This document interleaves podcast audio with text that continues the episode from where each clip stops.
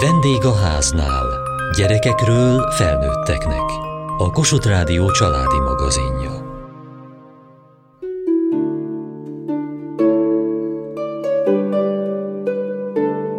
Már az online oktatás időszaka előtt is használták a kütyüket a gyerekek, amelyek azóta még inkább beépültek az életükbe. Vajon az olvasási szokásaikra hogyan hat a digitalizáció? Mikor vesznek hagyományos papírkönyvet a kezükbe, és mikor választják az e-bookot, a telefont vagy a hangos könyvet? Gyerekekkel és pedagógusokkal beszélgetünk a tapasztalataikról.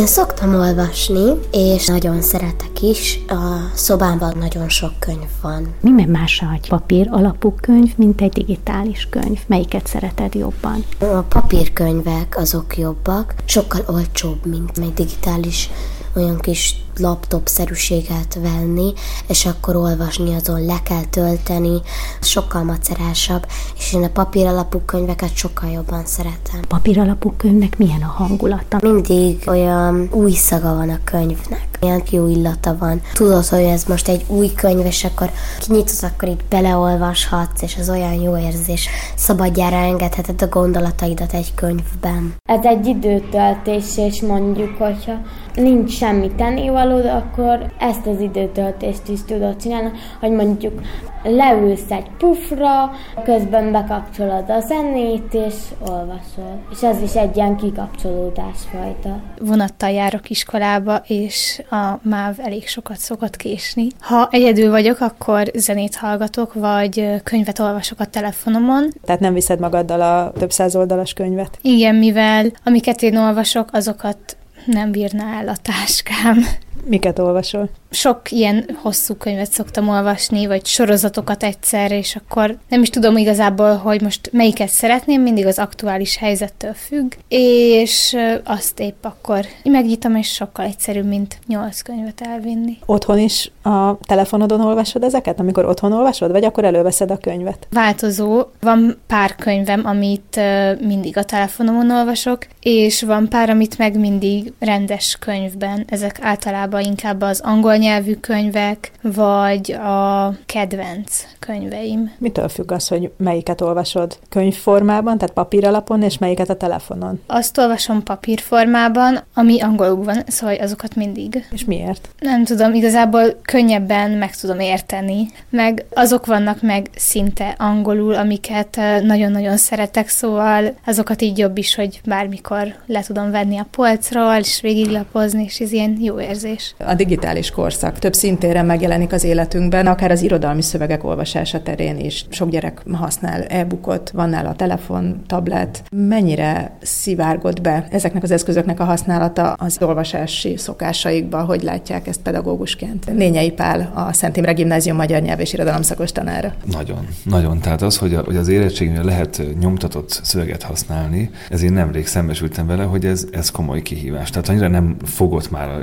kezében könyvet, hogy nem tudja, hogy hogy kell kikeresni egy verset egy kötetből. El kell mondanom, hogy van ilyen, hogy betűrendes mutató, meg sorkezdet mutató, meg ilyesmi, és akkor ezt elmondom, hogy ez hogy van, és akkor ne ott keresd a címet, ahol kezdősorok vannak, mert ott nem fogod megtalálni. Tehát olyan szinten beszűrődött, hogy, hogy a nyomtatott könyvvel való kapcsolat nagyon sok diáknál teljesen megszűnt. És ez egyébként érdekes kihívás, tehát hogy én szoktam használni a mobiltelefont, mint lehetőséget a bármilyen szöveg behívására az órán. Nem érzem feltétlenül jól magamat ekkor, viszont ha az ember lehetőségként ír meg, akkor meg jó. Tehát, hogy egyrészt nagyon jó eszköz, másrészt pedig szerintem nagyon furcsa, hogy a fizikai papíron lévő szöveggel meg egyre távolabbi a kapcsolat. Én egy picit máshogy látom, megmondom miért. Szőnyi Gergely, a Szent Imre Gimnázium magyar nyelv és irodalom szakos tanára. Van egy olyan módszerem, vagy egy olyan szokásom, hogy a helyesírási hibákra nyomtatott szövegben talált helyesírási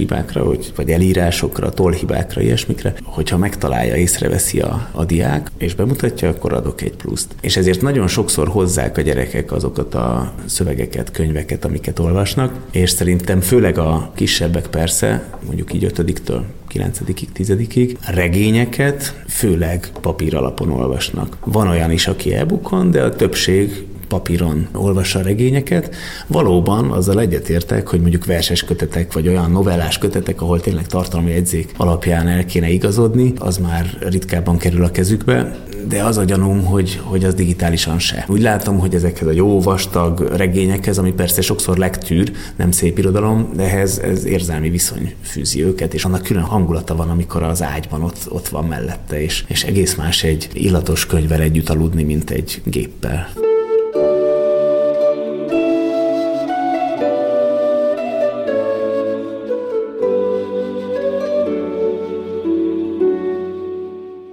Szoktál iskolába vinni könyvet, hogy szünetben olvassál? Amikor Evese nénivel egy nagyon könyv bemutatóztunk az olvasás órán, akkor nagyon sok könyvet vittem be. Itthon szoktam olvasni, esténként befekszem az ágyamba és olvasok egy-két oldalt. Régebben be lehetett menni a könyvtárba, akkor nagyon sokat felmentem, és szünetben ott olvastam. Ilyen szabad óra volt, akkor felkireckedtem, és ott nagyon sok időt töltöttem. Miért volt jó a szünetben felszaladni a könyvtárba? Azért, mert mindig az van, hogy amikor a többiekkel vagyok, akkor valaki rosszat csinál, meg ilyenek, és akkor egyfolytában üvöltöznek, meg hangzavarban, és oda ott nem tudok olvasni. Ezért szoktam inkább, amikor kikölcsönzöm a könyvtárban fennmaradni, mert ott szerintem sokkal nyugodtabb és csöndesebb hely. Miért jó szünetben egy kicsit olvasni?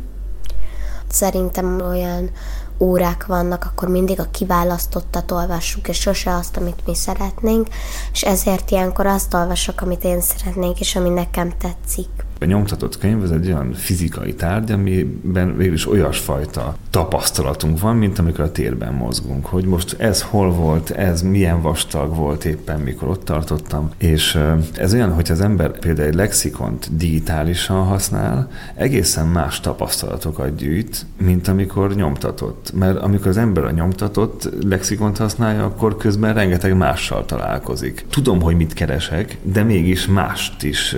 Az olyan fajta szabad asszociáció lehetőség indul el a papír alapú lexikon használatban, ami óriási lehetőség. Hát ez ugyanaz, mint amikor az ember a könyvtárba bemegy, és akkor a polcon kim vannak a könyvek. És akkor nem csak az egyetlen mű jut eszébe, hanem más is lehet. Tehát megint ott vagyunk a fizikai térben. És én ezt érzem drámainak. Tehát ezt a fizikai tér és a szövegek közti kapcsolatnak a lassú megszűnését. Tehát a képernyő sajnos csak egy, egy nagyon-nagyon pici kivágást enged látni. Mint hogyha én, én egy olyan világban élnék, ahol nincs táj, hanem meg vagyok világítva, látom magam előtt egy méterre, meg mögöttem egy méterre a tájat, de nem vagyok a tájnak a része. És hogy én ezt a fajta valahol vagyok a szövegben, valahol vagyok, amikor szöveggel vagyok kapcsolatban, ezt, ezt a tapasztalatot érzem nagyon erősen megszűnni. Én drámainak érzem természetesen, de nem lehet vele harcolni. Valószínűleg ki fog alakulni egy olyan nemzeték, aki, akinek ez a fajta térélmény és a szövegélmény, ez nem lesz már meg. Nekik valószínűleg teljesen másfajta szövegtapasztalatuk lesz, mint nekem. Nekem még úgy megy, hogy két perc alatt bármit megtartok egy könyv, amit keresek, anélkül, hogy, hogy, hogy Ctrl-C, Ctrl-V-znék, vagy bármit csinálnék, mert egyszerűen nekem még megvan ez a ilyen lehetetlen bölcsész képességem. Ez a fajta szövegolvasás, ez a szöveg befogadást is befolyásolja? Vagy a szöveg értelmezést?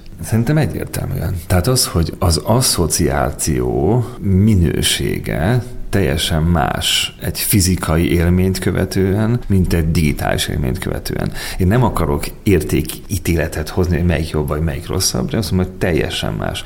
Teljesen más annak az embernek egy kirándulás, akinek van térérzékelés, és tudja, hogy merre van észak és dél, mint akinek annyi van, hogy ott van egy cseresznyefa, aztán pedig egy bódé. Tökéletesen más élményekkel tér haza ez a két ember ugyanarra a kirándulásról. Nézzük meg, hogy egy könyvkiadó mire figyel. Figyel arra, hogy milyen legyen a borító, mi legyen a borító terv, a borítókép, illusztrációk, milyen legyen a fogása a papírnak, milyen legyen a betűtípus, a papírnak a színe.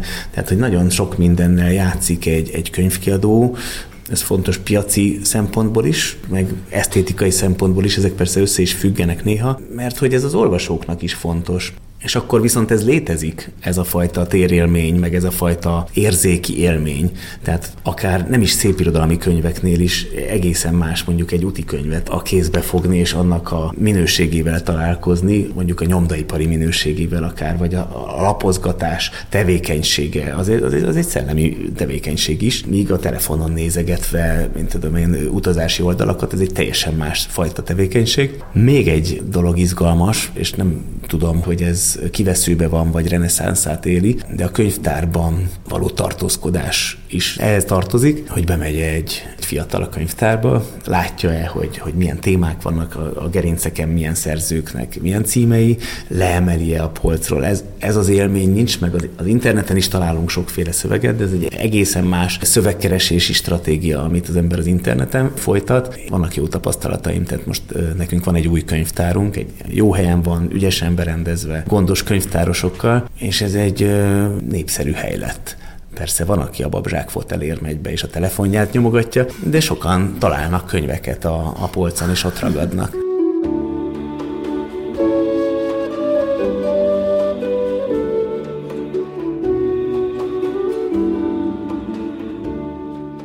Én olvastam a száz magyar népmeséből a külleves olyan, hogy a háborúból jött egy katona, kék volt a keze, és felvett egy követ, és mondta, hm, ebből egy jó külleves tudnék csinálni, és akkor elment egy öreg anyóhoz. És utána bement a házba, ott egy öreg asszony lakott, öreg néni, inkább így mondom, és akkor mondta neki, hogy jó estét, öreganyám, mert ugye már akkor este felé járt az idő. Hajnalodott. Hajnalodott. És akkor megfőzték a levest, és akkor az öreg asszony azt mondta, olyan szegény vagyok, mint a templom megere, és semmim sincs, és akkor kiderült útközben, hogy hazudik, mert nem akarta ellátni a katonát élelemmel, de aztán mégiscsak elkészült a leves, tettek bele kolbászt, répát, ugye a követ, minden jót. Az volt a tanulsága, hogy hazudni tilos, meg ha mondjuk háborúból jött egy ilyen szegény katona, akkor ezt jobb, ha megkínáljuk, adjunk neki ételt. Szerintem tanulságosak a mesék. Ennek a másik változata, én megnéztem videóról, hogy ugye elment, és akkor beért egy faluba a katona, és akkor mindenhol megugatták a kutyát, vagy nem foglalkoztak vele, és ugye az utolsó háznál meg ott volt az öregasszony, meglátta ugye a katona a követ, és akkor besétált. Meg ott volt egy fekete macska a néninél. A videón jobb, mert ott látod is, hogy mi történt, nem csak hallod, mivel a kettő nem ugyanaz, mivel a videóba abba nem mondják el azt, amit a könyvben igen. Neked melyik tetszik jobban? Nekem a videó. Lehet látni, meg hallani. Nekem mind a kettő. Amikor olvasok, akkor nagyon oda kell figyelni a betűkre. Hogyha elolvasol valamit, akkor szerintem az úgy van, mondjuk én is olvastam már könyvet, és az úgy van, hogy ugye amit hallasz, azt elképzeled, és úgy lesz meg a kép. Tehát, hogy nem feltétlenül szükséges egy meséskönyvbe képeket rakni, hanem csak olvasod és elképzeled. És mi a jó? Szerintem az, hogy te elképzeled a saját világ, világodba, az ahogy jó. te látod. Szerintem igen. Az izgalmasabb? Aha. Nekem az jobban tetszik. Szőnyi Gergely, a Szent Imre Gimnázium magyar nyelv és irodalom szakos tanára. Az biztos, hogy a tankönyveket kezükbe veszik a diákok. És nagyon nem mindegy, hogy ott milyen minőségű, milyen illusztrációkkal szemléltetett, milyen szöveg elrendezésben gondolkodó tárgyakkal és oldalakkal találkoznak. A tankönyv ez egy fontos normatív tárgy. Azzal minden diák találkozik, függetlenül attól, hogy milyen szociokulturális környezetből érkezett, hogy van-e otthon könyv vagy nincsen. Én azt gondolom, hogy a tankönyv szerkesztése, a tankönyv írása, a tankönyvek nyomdai előkészítésére hát sokkal nagyobb gondot kellene folytatni. Időt adni a tankönyvszerzőknek, időt adni a kiadó kiadóknak időt adni a, az illusztrátoroknak. Legyenek igazi illusztrátorok, és ne grafikai stúdiók készítsenek rohammunkába, sokszor sajnos nagyon gicses munkákat. Tehát itt egy lehetőség a kezünkben, vagy mondjuk az oktatást irányítók kezében, hogy ha, ha fontos nekünk a nyomtatott szöveg, ha fontos nekünk a, a, az olvasás, akkor készítsünk olyan tankönyveket, például irodalomból, amik egyrészt kedvet csinálnak a nyomtatott szöveg olvasásához, és megfelelő helyre teszik az egyébként kiváló irodalmi szövegeket, vagy akár sokszor szintén jó tankönyvi szövegeket, és ezáltal szolgálják ezt az ügyet. Van felelősségünk nekünk, magyar tanároknak azt gondolom abban, hogy tudatosan köteteket vigyük fel az órára. Tehát, hogy lássa a fiatalság, az, hogy léteznek verseskötetek, vagy léteznek irodalmi szövegeknek nyomtatott, igényes kiadásai, amik vonzóak, és nem csak az a fajta jó szándékkal összeállított zanzák, amik néha lesznek a, a tankönyvek vagy a szöveggyűjtemények. Rájöttünk arra, hogy a sokkal jobbak a képek, meg izgalmasabbak, meg minden, és nem lehet képek nélkül eladni egy szöveget. Nényei Pál, a Szent Imre Gimnázium magyar nyelv és irodalom szakos tanára. És hogy ebbe a csapdába belesétált a nyelvtanítás is, meg az irodalomtanítás is. Mint hogyha nekem olvasóként szükségem lenne Iluska nem annyira jól sikerült patakban állós képéhez, arra, hogy megértsem, ami a Petőfinél le van írva. Ez azt sugalja az egész, hogy igazából az írott szöveg borzalmas, de a képekkel egy picit megédesítjük nektek, és akkor hát, ha lemegy. Ebben van valami, van valami, valami gyalázatos cinizmust érzek az egészben, ami mögött az a baj, hogy jó indulat van. És ez különösen szomorúvá teszi az egész, vagy tragikus ezt az egész helyzetet. Mert az irodalmat továbbra is szövegolvasásként képzelem el, és nem képnézegetésként, ami teljesen más tevékenység.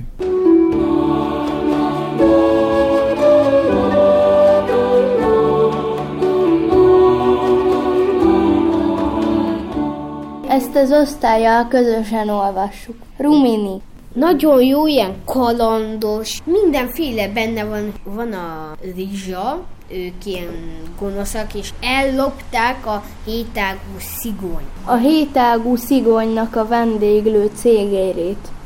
Az egy ő, nagy ilyen boros-södös helyen, kocsma.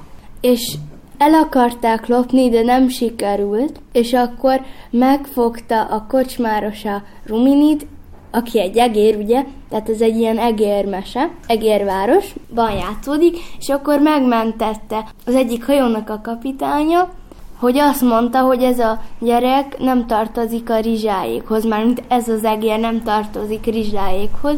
Ő nagyon szegény kis egérke volt, nem volt neki senki, nem volt neki családja, barátai, se semmi. És akkor felvette hajóinasnak, és ennyit olvassunk. Percy Jackson, ugye Harry Potter, a Narnia, de a Percy Jackson most a legjobb, mert azt szeretem a legjobban. Ezek a könyvek majdnem mind megvannak filmen. Miért nem jobb a filmen nézni? Hát azért, mert ott a szereplőknek nem tudják teljesen kifejezni a gondolatait és ott nem tudnak úgy nagyon belelátni a fejükbe, meg ott izgalmasnak izgalmas egy film, de szerintem könyvben sokkal jobb, mert filmben azért nem jó, mert a könyv a kezedben van, és azt te olvasod, nem mások mesélik neked, és akkor te is el tudod mesélni az egész történetet és gondolkodni is tudsz rajta. A filmben ilyen gyors jelenetek vannak, azon nem tudsz annyira gondolkodni. Egy könyvben többször is át tudsz olvasni mondjuk egy információt, és azt lassan, hosszasan át tudod gondolni, de a filmekben azért nem, mert ott nincs ilyen lassú, és úgy ugye ott még egyszer nem tudod átolvasni, meg, ilyenek, meg nem tudod átgondolni és a könyvet azt te magad olvasod, és azt te magad tudod elmesélni mondjuk a többieknek, és ugye azért nem jó még a film. Nényei Pál, a Szent Imre Gimnázium magyar nyelv és irodalom szakos tanára. Az irodalmi mű sajnos nem azonos a cselekménnyel. Tehát ami rövidítve elmondhatva egy műről, annak semmi köze az a műhöz igazából.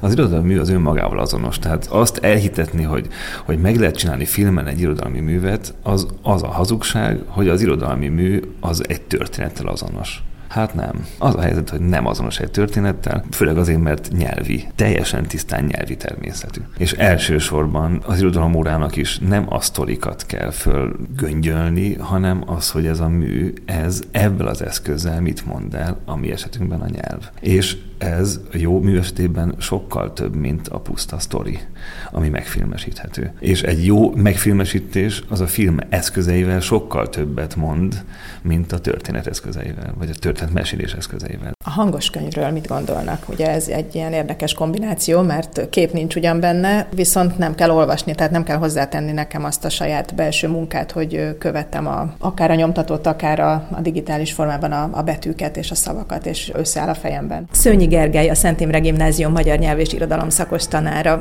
Szerintem más, de jó. A hallott szöveg értésének hihetetlen múltja van. Ugye Gutenberg előtt az emberiség döntő többsége nem tudott olvasni, viszont hihetetlen mennyiségű szöveget hallott a mítoszoktól kezdve a templomban, vagy a, a különböző ritusokban, vagy elmentek a, a görög színházakba, ahol ugye azért nem csak interakció volt, hanem például a karnak elég hosszú monológiai a Bibliában is azt olvassuk, hogy a hit a hallásból ered, tehát hogy a hallott szöveg értelmezése, megértése és azzal kialakított viszony más, mint az olvasott szövegé. Hát ugye sokat beszéltünk arról, hogy milyen fontos, hogy lapozgassunk, meg följebb menjen megint. Ugye a hallott szövegnél sokkal nehezebben, vagy, vagy ritkábban idézőjelben lapoz vissza az ember például, vagy lapoz előre, vagy, vagy, vagy, vagy ismétel. De azt gondolom, hogy mivel ugyanaz a nyelvi produktum, hogyha tényleg ugyanazt halljuk, mint amit egyébként olvasnánk, ez nagyon sokat tud ugyanabból a szövegből visszaadni.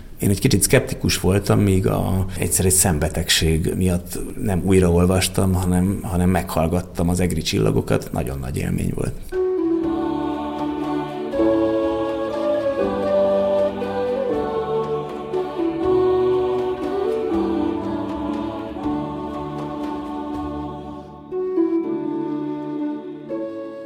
Mai adásunkban arról beszélgettünk, hogy hogyan hat a digitalizáció a gyerekek olvasási szokásaira.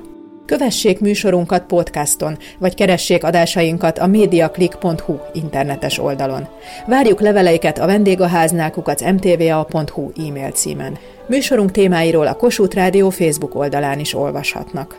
Elhangzott a vendégháznál. A riporter Kataluccio Andrea, Hegyesi Gabriella, Juhász Tímea, a gyártásvezető Mali Andrea szerkesztette a felelős szerkesztő Hegyesi Gabriella.